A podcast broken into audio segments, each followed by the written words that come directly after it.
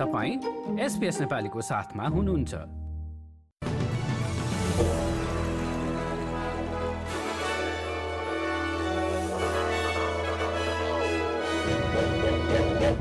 नमस्कार एसपिएसको शुक्रबार आठ जुलाईको नेपाली समाचारमा हार्दिक स्वागत छ। म कृष्ण पोखरेल सुरुमा आजका मुख्य समाचार। दुई देशबीचको नयाँ सम्झौता अनुसार एक वर्षभन्दा बढी समयदेखि अस्ट्रेलियामा बसिरहेका न्युजिल्यान्डका नागरिकले छिट्टै मतदानको अधिकार प्राप्त गर्ने। जापानका पूर्व प्रधानमन्त्री सिन्जो आबेमाथि भाषणका क्रममा गोली प्रहार अवस्था गम्भीर रहेको अन्तर्राष्ट्रिय सञ्चार माध्यमहरूको भनाई र राफायल नडालले पेटको चोटका कारण सेमी फाइनल नखेलेपछि निक किरियोस विम्बेल्टनको फाइनल प्रवेश। एक वर्षभन्दा बढी समयदेखि अस्ट्रेलियामा बसोबास गरिरहेका न्युजिल्यान्डका मानिसले दुई देशको नयाँ सम्झौता अनुसार छिट्टै मतदान अधिकार पाउने भएका छन्। प्रधानमन्त्री एन्थोनी एल्बानिजी र न्युजिल्यान्डकी समकक्षी जसिन्डा आर्डन बीचको भेटका क्रममा स्थायी बसोबासका लागि थप मार्गहरू प्रशस्त गर्ने र दुई देशबीचको सम्बन्धमा सुधार ल्याउने विषयमा पनि कुरा भएको छ। न्युजिल्यान्डमा बस्ने अस्ट्रेलियालीहरूलाई मतदानको अधिकार दिइएको छ भने नयाँ अधिकारको अर्थ क्रस ताजमान छिमेकी बीचमा पारस्परिक सम्झौता हुने बताइएको छ। प्रधानमन्त्री दुई देशले समन्वय गरी सहज विकल्पहरू निकाल्ने बताए We don't want people to be temporary residents forever, and what we'll do is we'll work on ways of a pathway to citizenship with a timeline of uh, Anzac Day 2023.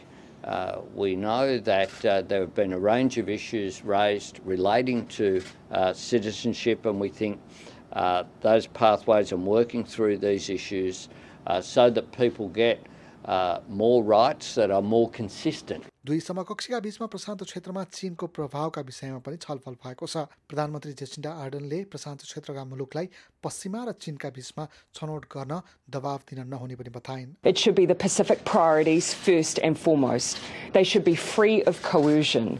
There should be high quality investment in infrastructure because that is what our region deserves. जापानका पूर्व प्रधानमन्त्री सिन्जो आबेमाथि गोली प्रहार भएको छ स्थानीय सञ्चार माध्यमका अनुसार भाषण दिने क्रममा उनीमाथि गोली प्रहार भएको हो घटना लगत्तै उनलाई हेलिकप्टरबाट अस्पताल लगिएको र उनलाई हृदयघात भएको पनि बताइएको छ। घटनास्थलबाट एक चालिस वर्षीय मानिस पक्राउ परेका छन्। सिडनीको उत्तरी हक्सबरी क्षेत्रका मानिसहरू बाढीले क्षतिग्रस्त घरमा सफाइका लागि फर्किएका छन्। हन्टर लगायतका क्षेत्रमा भने बाढीको सम्भावनाका बीच मानिसहरूलाई सुरक्षित स्थानतर्फ सर्नका लागि अनुरोध गरिएको छ। राज्यभर जारी यस्ता आदेशहरूका कारण चालिस हजार मानिसहरू प्रभावित भएको बताइएको छ। सफाइका लागि घर फर्किएकाहरूलाई चलाक रहन राज्यको आपतकालीन सेवा विभागले अनुरोध गरेको छ। आपतकालीन सेवा विभागका अनुसार बितेको चौबिस घण्टामा अठाइसवटा भन्दा बढी उद्धार कार्यहरू गरिएका छन्। यसैबीच बाढी पीडित अनुदान सहयोग अन्य छ स्थानीय क्षेत्रमा पनि विस्तार गरिएको छ। न्यू साउथ वेल्सका प्रिमियर डोमिनिक पेरोटीले दसौँ हजार मानिसहरूलाई घर छाडेर सुरक्षित स्थानमा जानका लागि आदेश दिइएको बताए। Uh, currently, today, um, we still have 67 evacuation um, orders in place, uh, 22 um, evacuation warnings. That's still impacting around 47,000 uh, people um, across New South Wales. Um, uh, there are a number, 75, um, return with caution uh, to uh, homes, and uh, that's affecting around 50,000 50,000 people across, across New South Wales.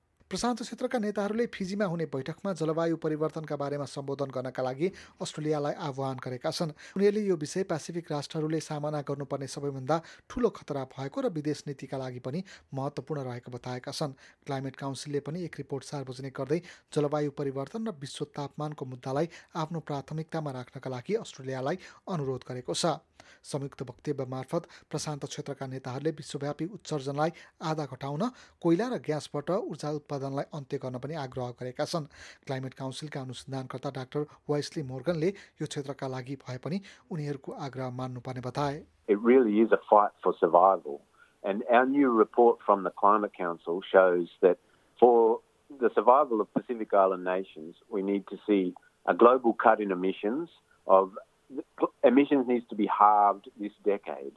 And for a wealthy nation like Australia that has vast untapped renewable energy resources, we should be doing even more than that. भिक्टोरियामा सङ्क्रमणलाई कम गर्न निशुल्क antigen परीक्षण किट बाँडिने भएको छ।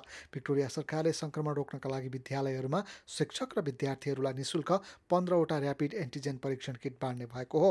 विशेष विद्यालयका हकमा भने थप पन्ध्रवटा यस्ता किटहरू उपलब्ध गराइने भएको छ। एक सय नब्बे मिलियन डलर बराबरको उक्त कार्यक्रमले विद्यालयलाई सुरक्षित राख्ने आशा गरिएको छ अब खेल समाचार रफायल नाडाल खेलबाट बाहिरिन बाध्य भएपछि निक क्रियोस विम्बल्टनको फाइनलमा प्रवेश गरेका छन् पेटको चोटका कारण परिवारको दबावपछि नाडालले खेलबाट बाहिरिन परेको बताएका हुन् यद्यपि यसमा आफू दुखी रहेको पनि उनले बताए I made my decision because I I believe that I can't win two matches uh, under this under under these circumstances. You know, I can't serve. Uh, it's not only that I can't surf the at the right speed. It's it's that I can't uh, do the uh, an normal movement to to surf. Nick किरियोसले सामाजिक सञ्जाल मार्फत नारलको स्वास्थ्य सुधारको लागि कामना गरेका छन् अब भोलिको मौसम सम्बन्धी विवरण भोलि पर्थमा वर्षा हुन सक्ने सम्भावनासहित एक्काइस डिग्री एडिडेडमा वर्षाको सम्भावनासहित पन्ध्र डिग्री मेलबर्नमा वर्षा कम हुँदै जाने र तेह्र डिग्री होबर्टमा वर्षा कम हुँदै जाने र बाह्र डिग्री क्यानबेरामा आंशिक बादलको अवस्था र बाह्र डिग्री ओलङ्गनमा वर्षाको सम्भावनासहित सोह्र डिग्री सिडनीमा अधिकांश समय घाम लाग्ने र सत्र डिग्री न्यू क्यासलमा पनि घाम लाग्ने र सत्र डिग्री ब्रिजबेनमा घाम लाग्ने र उन्नाइस डिग्री केन्समा आंशिक बादल र छब्बिस डिग्री डार्बिनमा भने घाम लाग्ने र उन्तिस डिग्री अधिकतम तापक्रम। हस्त यसका साथै आजको एसपिएस समाचार यति नै।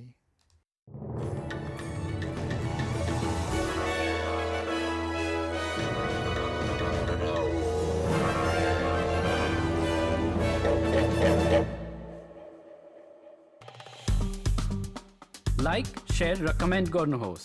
एसपिएस नेपालीलाई फेसबुकमा साथ दिनुहोस्।